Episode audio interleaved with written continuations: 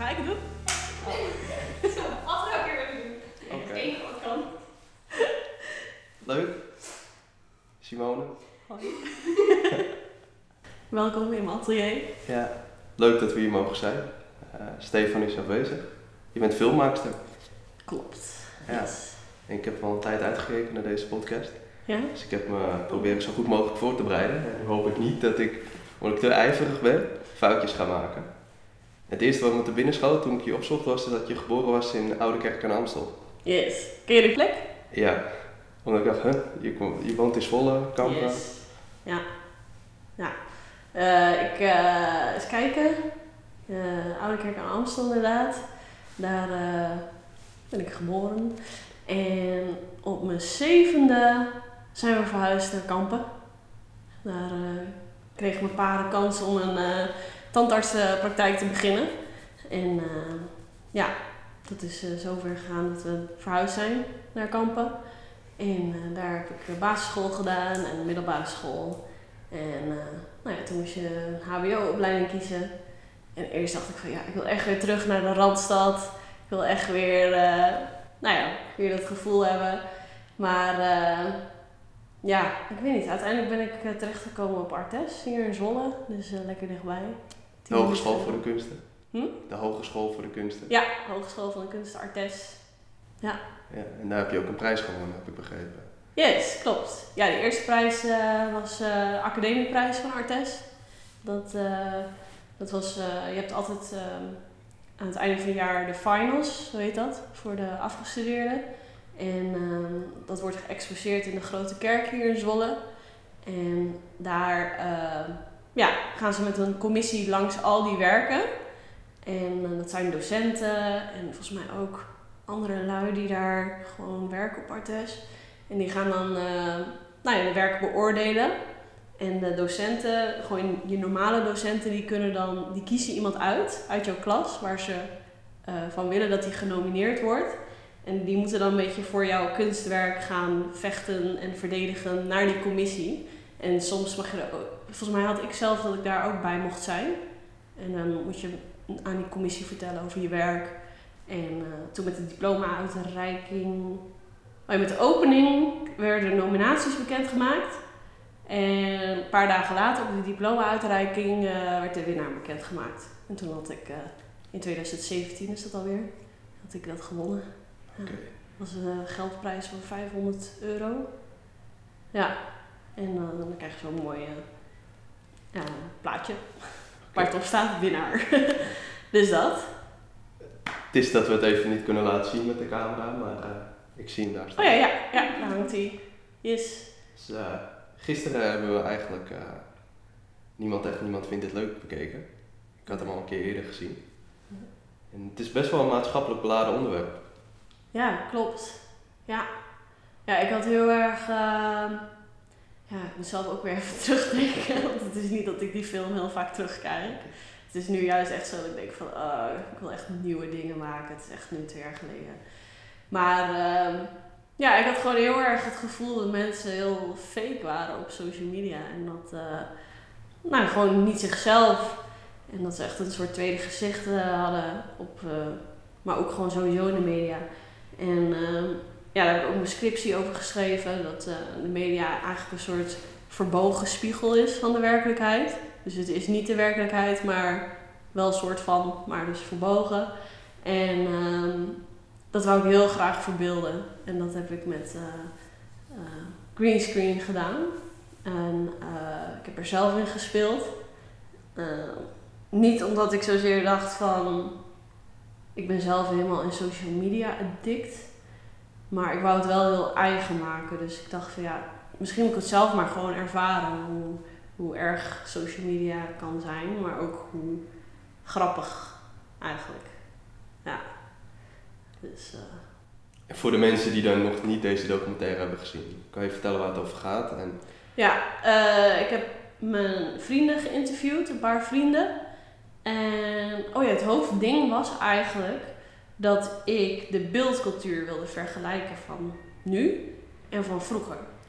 Dus ik had mijn eigen vrienden van deze tijd en hun ouders gevraagd. Of eh, die heb ik geïnterviewd.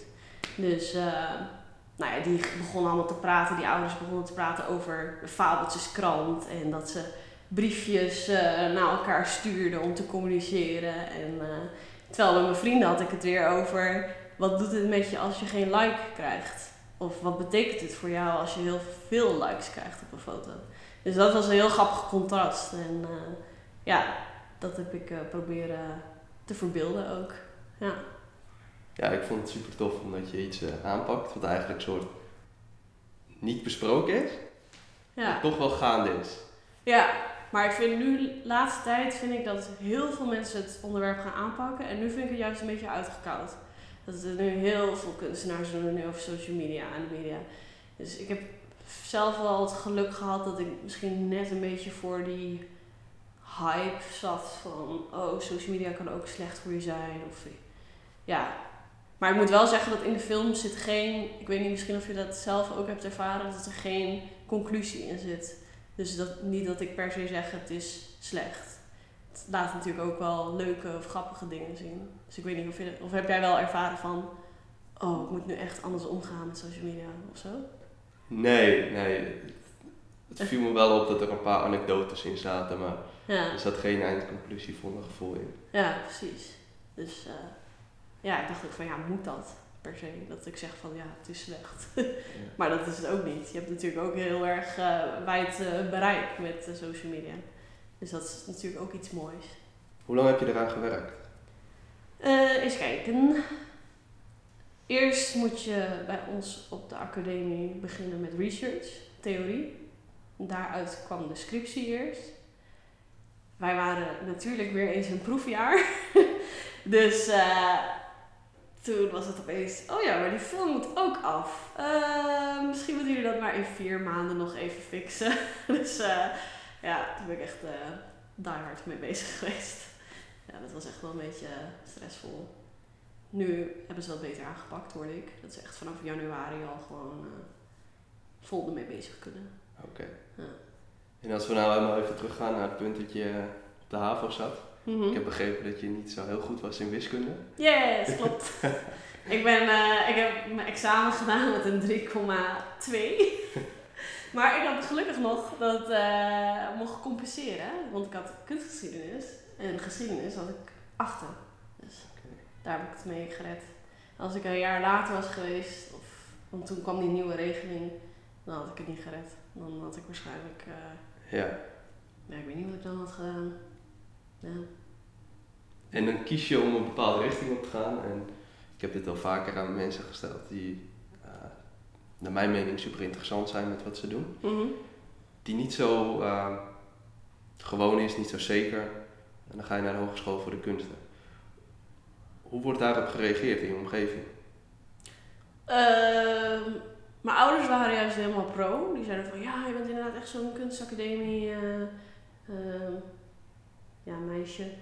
En ehm, ja, ik heb gelukkig niet zo gehad in mijn omgeving dat mensen zeiden van oh, maar hoe ga jij werk fixen dan? Of eh, nou, eh, waarschijnlijk heb je niet echt een fijne toekomst dan. Of het is een pretstudie of zo, weet je wel. Dat viel wel mee. Maar als iemand erover begon, dan had ik wel altijd mijn argumenten klaar van ja, dat is echt niet zo. Kunstacademie is keihard werken. Het is echt, als je dan andere studies hoorde, ja, ik moet maar twee dagen in de week naar school. Nou, ik had gewoon elke dag van 9 tot uh, 5 zat ik daar. En dan, daarna moet je nog je opdrachten thuis doen. Dus je was echt 24-7 was je gewoon bezig met die studie. Dus ja, maar ja, aan de andere kant, je kiest voor iets wat je heel leuk vindt. En uh, ja, daardoor voel ik het eigenlijk niet zo erg. Ik vond het juist wel heel leuk om hard te werken. Ja. ja. Dus die passie gaf je ook weer motivatie om door te doen. Ja. ja, en je merkt gewoon dan heel erg in je klas dat sommige mensen die hebben dat niet. En voor hun wordt het dan echt een struggle, echt een psychische struggle. Dat sommige mensen worden depressief of uh, die stoppen ermee. En uh, ja, maar ik had zoiets van ja, dit is toch wat je wilt. Je weet toch van tevoren waar je begint met zo'n studie. Ja. Dus dan moet je er gewoon vol voor gaan. En uh, ja, dat uh, heb ik ook mooi kunnen afsluiten, gelukkig. Ja, en dan, ik heb natuurlijk je blog zo'n beetje bekeken en dan uh, ben je afgestudeerd. Mm -hmm. ja. ja. Er staan superleuke verhalen tussen en dan zie ik ook een verhaal waarvan ik denk, oei, dat is misschien wel herkenbaar voor iedere ZZP'er. Ik denk dat je wel weet waar ik heen wil gaan. Yes. Ik heb ondertussen al twee ervaringen daarmee. Ja. De eerste ervaring was inderdaad bij een productiebedrijf hier in Zwolle. Die maakte uh, ja, filmpjes voor grote bedrijven. En nou, ik had gesolliciteerd en op die sollicitatie waren ze heel enthousiast. Volgens mij was de, de vacature heette cameraman slash vrouw slash editor. Maar op de sollicitatie zei ze al van, oh ja, het klikt echt goed. Maar zou je ook dingen in de productie willen doen? Ik dacht oké, daar heb ik niet echt op gesolliciteerd. Maar misschien is dat ook wel interessant. Ik dacht, ik had in mijn hoofd eerder van, ja, ik moet dit echt gewoon doen. Want ik wil gewoon een baan hebben. En op zich, als ik daar binnenkom, is dat al meteen een goede uh, eerste opstap. Dus ik dacht, nou oké, ja, ik ga wel, uh, ik doe het wel gewoon. Maar toen moest ik opeens allemaal dingen schrijven voor de site en uh, scripts maken, maar heel anders dan dat ik op de academie heb geleerd. Ik moest gewoon een tabel maken met foto's en dan heel kort erbij zetten: klant loopt naar de deur. Dat was het. Dus ik dacht, oké, en dat was dan elke dag zo. En zij zaten allemaal lekker te filmen met de duurste camera's. En hij had een Segway waar hij op uh, rijdt en ondertussen zo filmt. Dus ik dacht, oké, nou, uh, ik weet niet of ik dit wil. Dus ik had het zelf al. En toen brak de kerstvakantie aan. Maar ik moest nog betaald worden voor al die uh, keren. Dus, en hij zei, dat, heel vaak zat ik bij hem in de auto en ik was nog heel erg onzeker over dat uurtarief. Ik wist echt niet hoe dat werkte. Dus ik kwam op internet opzoeken en ik zag wel van die rekensommen. Dan hebben we weer wiskunde. maar uh, van hoe je je uurtarief uitrekent. Dat je het aantal jaar van je HBO-opleiding moet je weer keer. Ja, ik weet niet meer wat. Maar ik had er niks aan. En toen uh, hoorde ik later van een vriend die al langer ZZP is. Hij, is. hij zei van ja, je moet beginnen bij de 40 euro. Dat is normaal voor iemand die afgestudeerd is per uur. Dus ik dacht oké, nou ik vertrouw daarop. Dus ik ga die vent van die productiemaatschappij, ik ga hem gewoon een factuur sturen. Want hij zei elke keer van ja, ik moet even overleggen met mijn uh, accountant of ik, uh, hoeveel ik jou kan betalen. Ondertussen reed hij zelf in een Porsche, Ferrari en een. Uh, okay. uh, wat nog meer, een nummer of zo. Maar ja, dat was opeens het probleem. maar ja, ik hoorde er niks meer van. Dus ik dacht, nou, ik ga maar gewoon die factuur sturen. En toen kreeg ik echt twee minuten daarna een mailtje terug. Ja, um, uh, 40 euro vind ik te veel. Um, ik ga 30 euro doen. En, oh ja, by the way, we merkten toch dat het niet echt klikte en dat je meer voor autonoom werk geschikt bent dan dit commerciële werk. Punt. Ik zei, oké, dus blijkbaar werk ik daar niet meer. dus, nou ja, ik ben natuurlijk boos, maar ik heb die factuur gestuurd. Ik dacht zelf ook van, ja, ik had, ik had ook wel naar hem gemaild van, ja, ik had zelf ook wat gevoel dat ik niet echt, ja, daarbij paste. Dus uh, nou ja, die factuur gestuurd en toch maar akkoord gegaan met 30 euro per uur. Terwijl ik echt best wel veel dingen daar had gedaan. En toen, uh, de eerste keer wou ik niet betalen. Dus heb ik herinnering gestuurd. De tweede keer ik niet betalen. Heeft hij weer niet uh, terugbetaald. En uiteindelijk had ik maar gemeld van ja, ik, anders moet ik, wat zei ik ook weer, nou, administratiekosten of incassobureau erbij halen. En toen had hij opeens betaald. En dat was het einde. Daarna nooit meer contact gehad. Ja. ja. Dus dat was die eerste ervaring. De tweede ervaring was bij een galerie hier in Zwolle. Die was sowieso al een beetje onstabiel volgens mij qua financiën. Maar daar is uh, onlangs fraude gepleegd door de penningmeester. Van de vereniging of stichting, ik weet niet wat het is. Terwijl een paar maanden daarvoor had ik op een festival van hun had ik workshops gegeven. En dat was echt best wel veel uur. Dat was iets van 10 uur of zo. En daar had ik wel 45 euro kunnen fixen. Dus ik zat er echt op te verheugen. Ik dacht, ja, eigenlijk goed betaalde opdracht. Maar toen kreeg ik een eh, belletje van hem. Hij zei, ja, ehm, ja onze vereniging of stichting die heeft een beetje een probleem. De penningmeester is van het geld vandoor gegaan. dus ik zei, oké, en wat betekent dat nu voor ons? Ja, nu kunnen we je niet betalen, maar we houden contact. Ik zei, oké. Nou, laten bellen, mailen, kreeg geen antwoord. Belletjes werden gewoon weggedrukt. En later uh, appte die uh, voorzitter, was het dan weer, appte van uh, ja, ik uh, bel je straks. Werd ook niet gedaan. En zo de hele tijd door. En ik heb, ben zelfs naar de juristenloket hier geweest. Die daar tips over kunnen geven. Maar die zeiden ook van ja, met ZZP'er is dat wel lastig. je moet, misschien kan je beter ergens anders om advies vragen. Maar wij kunnen je niet echt helpen. Maar ja, zo doorgegaan en uiteindelijk had ik het geluk dat ik een mailtje van de gemeente kreeg. En die zei van ja, wij nemen de betalingen over. En die kan betaald worden. Dus ik dacht echt yes. Want anders was het zo geweest dat de eerste belangrijke partijen worden eerst betaald. Dus grote bedrijven en dat soort dingen. En daarna komen pas de ZZP'ers. Maar ja, die staan helemaal aan het einde van de rij. Dus ik had echt de kans gehad dat ik dat geld niet zou krijgen. Ja. En later hoorde ik zelfs dat andere ZZP'ers die ook voor het festival werkten, die waren niet zo productief met dat uh, achteraan gaan over dat geld. Dus die hebben niet gebeld en die hebben uiteindelijk niet hun geld gekregen. Want ze hebben alleen de mensen betaald die veel moeite hebben gedaan om uh, te vechten voor hun uh, geld. Dus er zijn uiteindelijk maar twee mensen betaald, dus ik en iemand anders. ja, dus dat zijn wel pijnlijke dingen. Ja, dus, maar ja, daar leer je weer van. Wat zou je willen meegeven dan aan startende ZZP'ers? Ja, uh, ja, hier in Zwolle heb je de ZZP-party. Dat is heel leuk. was laatst op een boot. En uh, het is heel slim om misschien naar zoiets te gaan.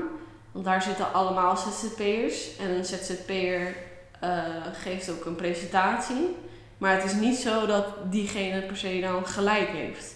Het is na die presentatie en dan gaan mensen het hebben over van... Oh, maar ik heb dat meegemaakt. Hoe hebben jullie dat opgelost? Of uh, dat en dat. Dus zo ben ik daar ook een keer voor het eerst geweest. Toen dacht ik, wow, ik heb echt vet veel geleerd. Want iemand zei, als je een opdracht aanneemt, moet je beginnen met een offerte. Toen dacht ik, oh ja, dat is eigenlijk wel waar. Je moet gewoon, want die klant die denkt natuurlijk, oh, zij vindt dat leuk. Het is haar hobby. Dan uh, doet ze het vast voor weinig. Maar dat, dat is niet zo. Het is je werk. Je moet je huur ervan betalen. Je moet je hiervan kunnen eten. Dus je moet ook uitleggen in die offerte hoeveel tijd dat kost en hoeveel geld dat kost. Zodat je voor die klant helemaal duidelijk hebt van, yo, dit is geen grap wat ik hier doe. Of het is geen hobby ding. Dus, uh, en als we daar niet mee akkoord gaan, ja, dan gaat de opdracht niet door. Toen dacht ik, oh, dat is eigenlijk een hele slimme tip. Want meestal, het eerste waar ik aan dacht is, oké, een overeenkomst, dat snap ik wel. Dat ze gewoon wel gaat samenwerken en dat dat ondertekend wordt, oké. Maar volgens mij zit de betaling daar nog niet eens in. Dus dan moet je echt met die offerte vastleggen. Dus uh, ja, dat waren allemaal handige tips. En uh, ja, daar heb ik heel veel van geleerd.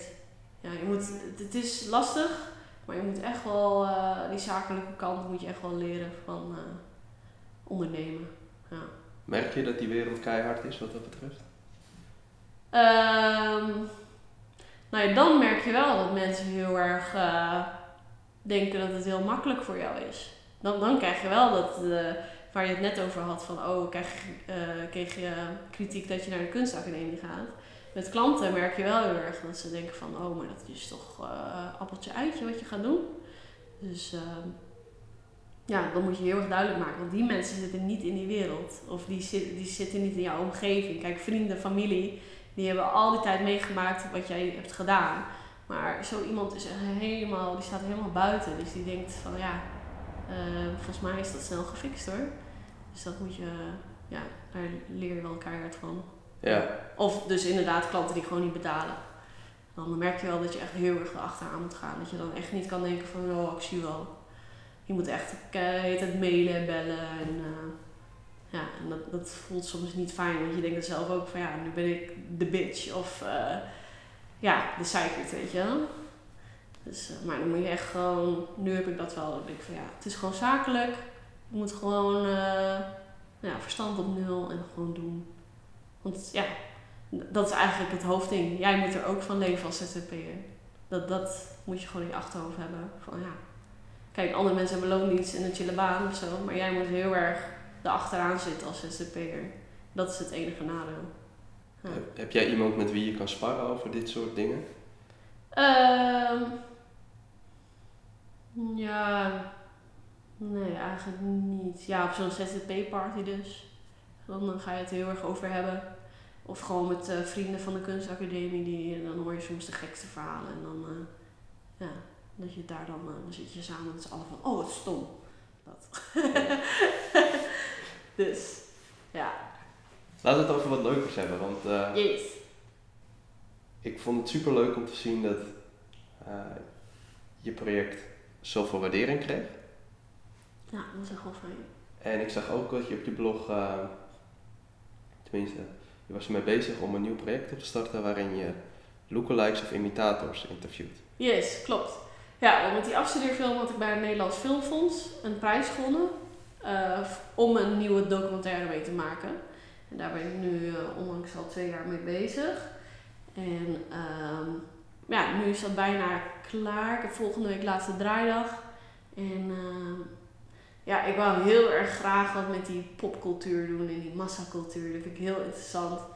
En ehm, maar het is wel lastig, want in popcultuur en massacultuur wordt eigenlijk al alles heel erg verbeeld. Dan is het best wel lastig om dan daar een soort kunstige, ehm, kritische blik nog van te maken. Dus eh, ja, die uitdaging ben ik aangegaan. En ehm, ik dacht van ja, ik wil echt iets wat met beroemdheden doen. Ik wil echt iets met glitter en goud en de fame en eh, dat. Maar dat is natuurlijk super breed. Dus eh, toen dacht ik, ja, hoe kan ik dat dan verdiepen? Dat, het toch, dat je toch bij een onderwerp komt wat heel erg, eh, ja, heel duidelijk is eigenlijk. Dus toen dacht ik, ja, hoe is het nou als ik gewoon mensen ga zoeken die daarvan dromen, van die fame en de beroemdheid, of, maar het net niet zijn. Nou, dat klinkt nu misschien een beetje uh, denigrerend of zo, maar dat je dus soort naar een andere wereld gaat van mensen die eh, andere mensen nadoen. Dus eh, ja, toen ben ik op een of andere manier gekomen op imitators.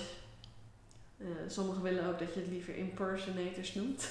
Impersonators. ja, impersonators, want imitator vinden ze vaak een beetje als eh, een soort circus act te klinken. En impersonator is echt dat je de persoon probeert eh, ja, na, ja, op te leven of zo. Dat je het echt bent op dat moment. Ja. Dus nu heb ik vier mensen. Eh, een Michael Jackson, eh, een jongen van 22. Een Elvis van 53. eh, eh, Lady Gaga die al in de 40 is volgens mij. En een Freddie Mercury in de 30. Dus allemaal verschillende leeftijdsgroepen. Oké. En die mensen die, eh, die doen dat al heel lang. En dat is echt hun leven geworden. En eh, ze zegt ook, het is echt de leukste baan eh, ever. Dat zei één iemand. En eh, ja, je maakt elke dag eh, maak je iets anders mee daar met die baan. Ja, dus dat ben ik gaan volgen. En eh, ik had heel erg in mijn hoofd van, oh, ik wil heel graag die verschuiving van identiteiten wil ik weergeven. Maar nu merk ik na het maken van, of tijdens het maken van de documentaire, dat zij heel erg zegt van ja, maar ik ben gewoon mezelf hoor. Het is niet dat ik schizofreen ben en thuis Michael voel of Freddy of Gaga. Dus uh, toen dacht ik, oh oké. Maar dat is natuurlijk met een documentaire. Ik, ik had heel erg dingen in mijn hoofd van, oh ik hoop dat ze dat zeggen. Maar dat is natuurlijk niet zo, want ja, het is allemaal op het moment zelf. Dus zij hadden een heel ander verhaal daarover. Dus uh, ja, nu gaat het heel erg naartoe dat, uh, nou het is gewoon hun werk en zij vinden dat normaal. Maar als buitenstaander is het toch wel apart dat je iemand in Elvis kleding de supermarkt in ziet lopen of zijn honden ziet uitlaten. Dus nu wil ik heel erg met beeld dat vervreemdende effect laten zien. In plaats van dat ze het letterlijk zeggen van ja, uh, soms voel ik me Michael of zo of uh. Oké. Okay. Ja. Dus eigenlijk zijn ze er heel nuchter over. Terwijl ik eerst dacht, toen ik begon, dacht ik van oh, misschien uh, hebben ze echt wel momenten dat, dat ze niet meer weten wie ze zijn. Ja. Maar dat is blijkbaar niet zo. ja. Van, ja, zeg maar. Ja, één, de Lady Gaga die zei wel van ja, een derde van mij is Amy, een derde, of Amy Winehouse, een, eh, twee derde van mij is eh, Gaga en een derde ben ik zelf, zei ze. Dacht ik, oké, maar dat is wel een beetje, ja. Dus, Het valt me wel op dat drie van de vier, en als ik Amy Winehouse mag meetellen, vier van de vijf zijn inmiddels eh, artiesten die overleden zijn. ja, precies. Ja, en ehm, ik merk ook heel erg dat ze het voor anderen doen, voor het publiek. Ehm, dat ze heel erg, ehm, ja, misschien is het ook wel voor hunzelf, dat ze heel erg die aandacht zoeken van, eh, oh nu denk ik dat ik toch wel Michael ben of zo, dus ik krijg ook die aandacht. Ja, ik weet dat moet ik nog allemaal een beetje uitzoeken, maar eh, sommige mensen in het publiek worden echt emotioneel, omdat daar Elvis op hun af komt lopen of Michael weer herrezen is. Meen je dat? Ja. En eh, ik was op dat Elvis optreden, was ik ook. En een meisje eh, rende naar me toe en zei zo... Kan je ervoor zorgen dat ik Elvis mag ontmoeten? Want mijn moeder is helemaal fan en ik heb dit als eh, cadeau voor haar verjaardag geregeld. En ik zei, ja, ik denk het. ik ben niet zijn crewlid of zo, maar ja. En toen is ze later backstage gegaan met de moeder. En die moeder helemaal huilen. En ja, dus blijkbaar zit daar een emotionele waarde aan vast of zo. Ja. Ja. Dat is, ja. Zeker met Michael Jackson. eh, ik weet niet of je dat ooit hebt gezien. eh, een optreden van hem, die fans. Daar vielen heel veel fans flauw en eh, huilen en schreeuwen. En hij werd echt herrezen tot een god bijna. En dat- dat wil ik ook heel erg graag in mijn documentaire ja, weergeven. Dat je, dat, je zet die imitators of impersonators zet je op een voetstuk. Maar dat je daarna wel een soort knip maakt naar hun dagelijks leven. Van ja, dat, dat zijn, ze zijn gewoon ook iemand anders thuis. Dus dat eh, hoop ik te kunnen weergeven. ja, ik hoor iets afgaan. Ja, mobieltje. Oké. Tril. Moet ik hem anders op stil zetten? Nee, ik, ik was even aan het nadenken over Ja. dat. Dan krijg je al die aandacht als impersonator, zeg ik het goed. Ja. Maar die volgende dag dan ben je gewoon weer eh, Henk die naar de supermarkt gaat. ja, precies. Dus dat, dat is toch vervreemdend. Ja, En dat wil ik heel graag, ja. Ik, ik heb ook nog nooit eigenlijk eerder een documentaire over imi- imitators gezien. Dus eh, ik dacht van, nou, volgens mij is dit echt wel een goed onderwerp.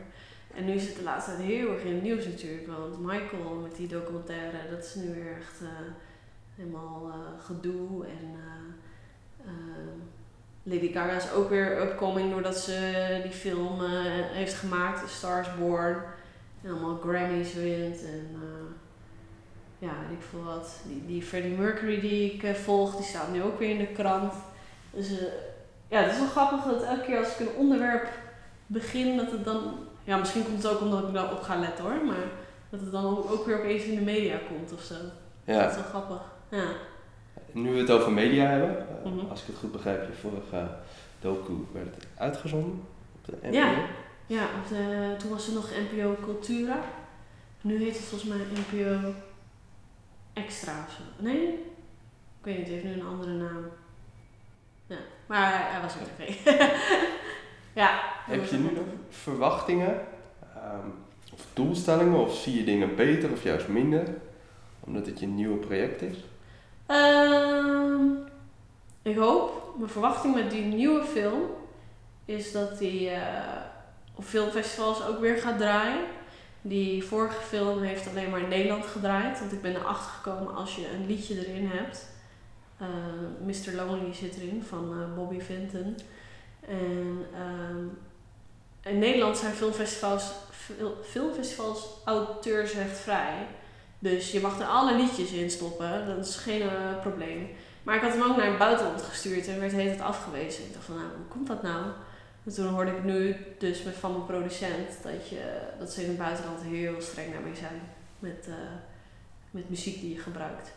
Dus, en in deze documentaire komt er ook geen eh, letterlijke muziek van Michael of Gaga. Maar we gaan waarschijnlijk een muziekcomposer vinden die in de geest van eh, muziek gaat maken. Of misschien, eh, ja, misschien doe ik ook wel helemaal geen muziek erin. Ik zag laatst ook een eh, hele interessante film is dat. Mr. Lonely heet hij ook. En van, hoe heet die, Hermione Corrin of zo. En dat gaat over ook imitators, impersonators. Maar het is een fictiefilm. Dus het is gewoon geregisseerd en alles. Maar het gaat over een Michael Jackson imitator die nou, een beetje uh, fut in zijn leven kwijt is. En op vakantie gaat naar een eiland met andere imitators. Dus, en hij wordt heel close met de Marilyn Monroe. Maar die heeft een relatie met de Charlie Chaplin. En ja, dat is een hele absurde film. Maar in die hele film zat geen muziek van die mensen. Toen dacht ik, oh, zo kan het dus ook. Gewoon, ja, stiltes of omgevingsgeluid. Dat vond ik wel heel interessant. Dus dat, ja, zoiets wil ik misschien ook wel in die film doen. En uh, ja, uh, een tv-zender kan je film kopen, hoorde ik. Uh, dus kan je er ook nog geld mee verdienen. En ja, voor de rest, ja, rondom filmfestivals zou er weer prijzen mee kunnen winnen. Maar volgens mij is dat wel een beetje een toekomst van films maken. Ja. En hoe is het de vorige keer gegaan dan? Dat die televisie kwam? Um, hoe was dat ook alweer? Volgens mij uh, was dat. Ik was toen op die wildcard uitreiking van het Nederlands Filmfonds. En toen zat een vrouw naast me van de VPRO. Ja. En die had haar contactgegevens gegeven. En toen... Ja, volgens mij had zij later gewoon gemaild van... Hé, hey, mogen we een film uh, op tv uh, screenen? Oké, okay, ja. tof. Volgens mij is het zo gegaan. Ja. En nu ga je hem dan in het Engels doen? Of ga je weer ondertiteling erbij houden dat hij in het Nederlands is? Uh, weer de ondertiteling, want die imitators zijn allemaal Nederlands. Dus uh, ik laat ze gewoon uh, normaal praten en dan Engelse ondertiteling straks. En dan ben je nu twee jaar, drie jaar sinds school onderweg? Ja, twee jaar. Ja. Ja, op zich eerste half jaar. Toen hoefde je nog niks te doen. En toen in januari was de eerste meeting van die wildcard. Ook met de andere mensen die het hadden gewonnen. En uh, toen werd er allemaal uitgelegd wat je moest doen. Toen moest je een producent zoeken. Nou, dat heeft ook een half jaar geduurd. Ik was allemaal naar grote productie- uh, uh, of producentenmaatschappij geweest. zoals Submarine in Amsterdam. En wat heb je nog meer? een van de jongens, zo heet ook een producentenmaatschappij. Maar ja, die, dat zijn allemaal bedrijven die in de Randstad zitten en het heel druk hebben. En, die, en zo'n producent die krijgt maar iets van 2000 euro of zo van de 40.000. Dus zij hadden ook zoiets van ja, uh, voor dat geld gaan we niet doen. Dus ja, ik kreeg heel veel afwijzingen. Misschien zagen ze mijn pannen ook niet zitten hoor, kan ook. Maar uh, ja, ik was er echt wel hopig over. En het Nederlands Filmfonds zei ook van ja, misschien moet je deze proberen, misschien deze. En dat wilde allemaal niet lukken. En toen uh, kreeg ik opeens een appje van een meisje dat een jaar boven mij zat. En die zei van, ik ken wel iemand. En dat is gewoon één persoon, Richard Valk. En die is wel geïnteresseerd in jouw werk. En die, ging meteen bellen. En toen we later nog afgesproken in Utrecht. En hij zei van, nou ik ben wel geïnteresseerd in wat jij doet. En ik ken ook mensen uit je omgeving. En ja, dus toen wilde ik hem graag als producent. Maar toen ging het Nederlands Filmfonds een beetje tegenwerken. Want die zei van ja, maar hij heeft helemaal geen ervaring in documentaire produceren. En hij is zelf regisseur en wil je dat wel? Dus ik zei ja, ik, ja, ik wilde gewoon een producent. En het klikte gewoon. Het was heel chill.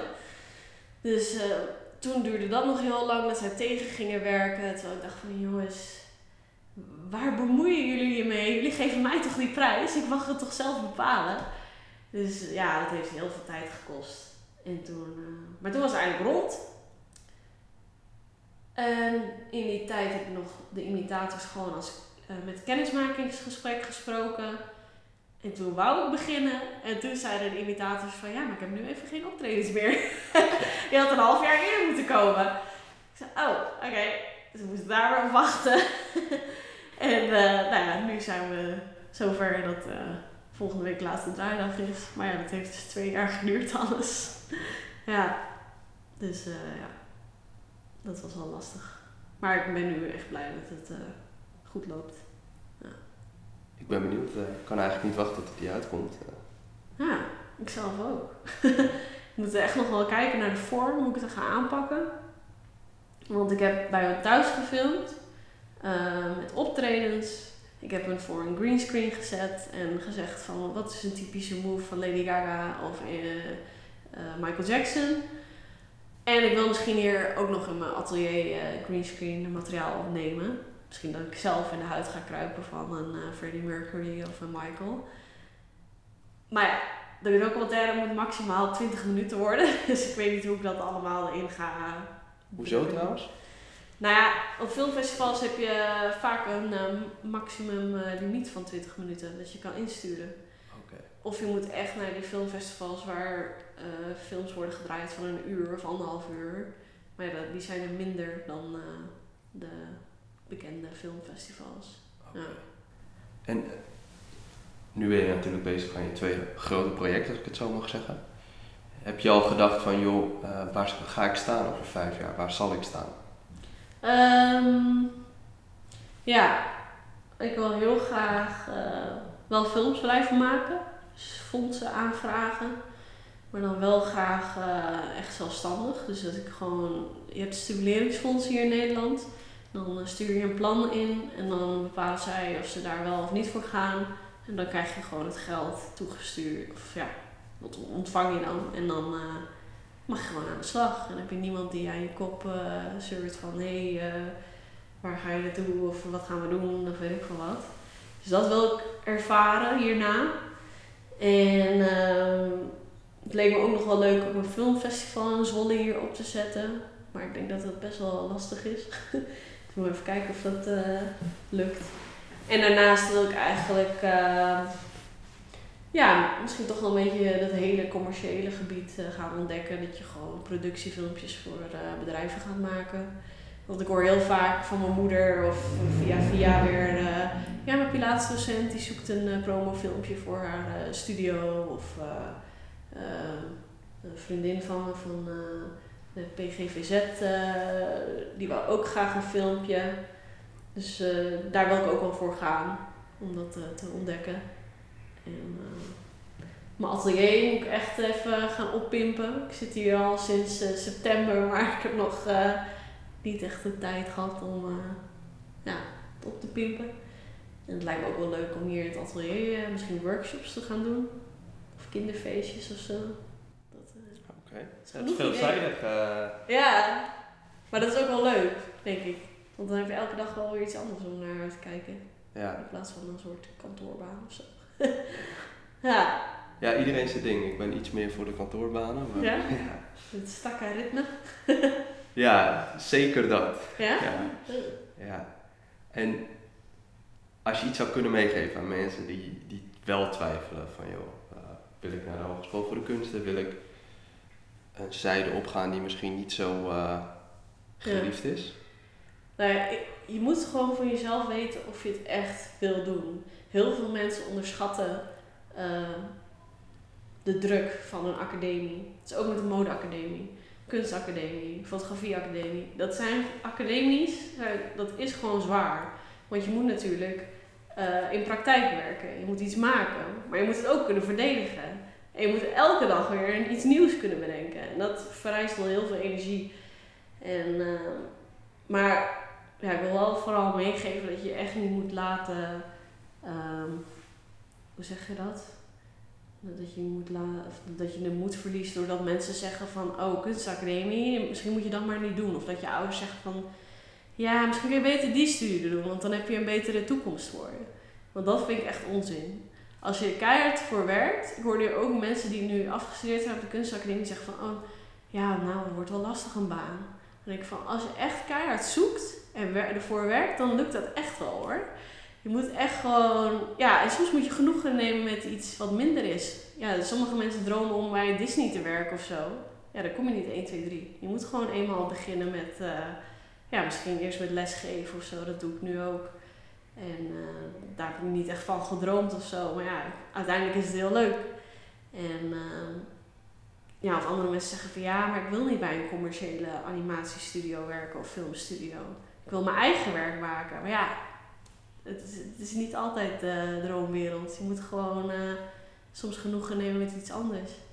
En uh, als je daar gewoon in je vrije tijd nog keihard aan je eigen werk werkt, dan kan het echt wel. Het is echt niet, het is echt niet zo slecht hier in Nederland met, uh, wat dat betreft. Ja, dus dat wil ik vooral meegeven. Dat je echt niet moet laten. Hoe zeg je dat nou? Dat je moet laten ontmoedigen. Ontmoedigen. Ja, door anderen. Ja. Dus dat. Waar kunnen mensen je vinden, wat dat betreft? Op social media. ja. Uh, ik zit op Instagram.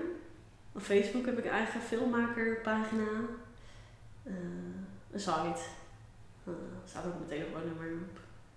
En mijn e-mailadres. dus als iemand wil mailen of uh, appen, kan dat.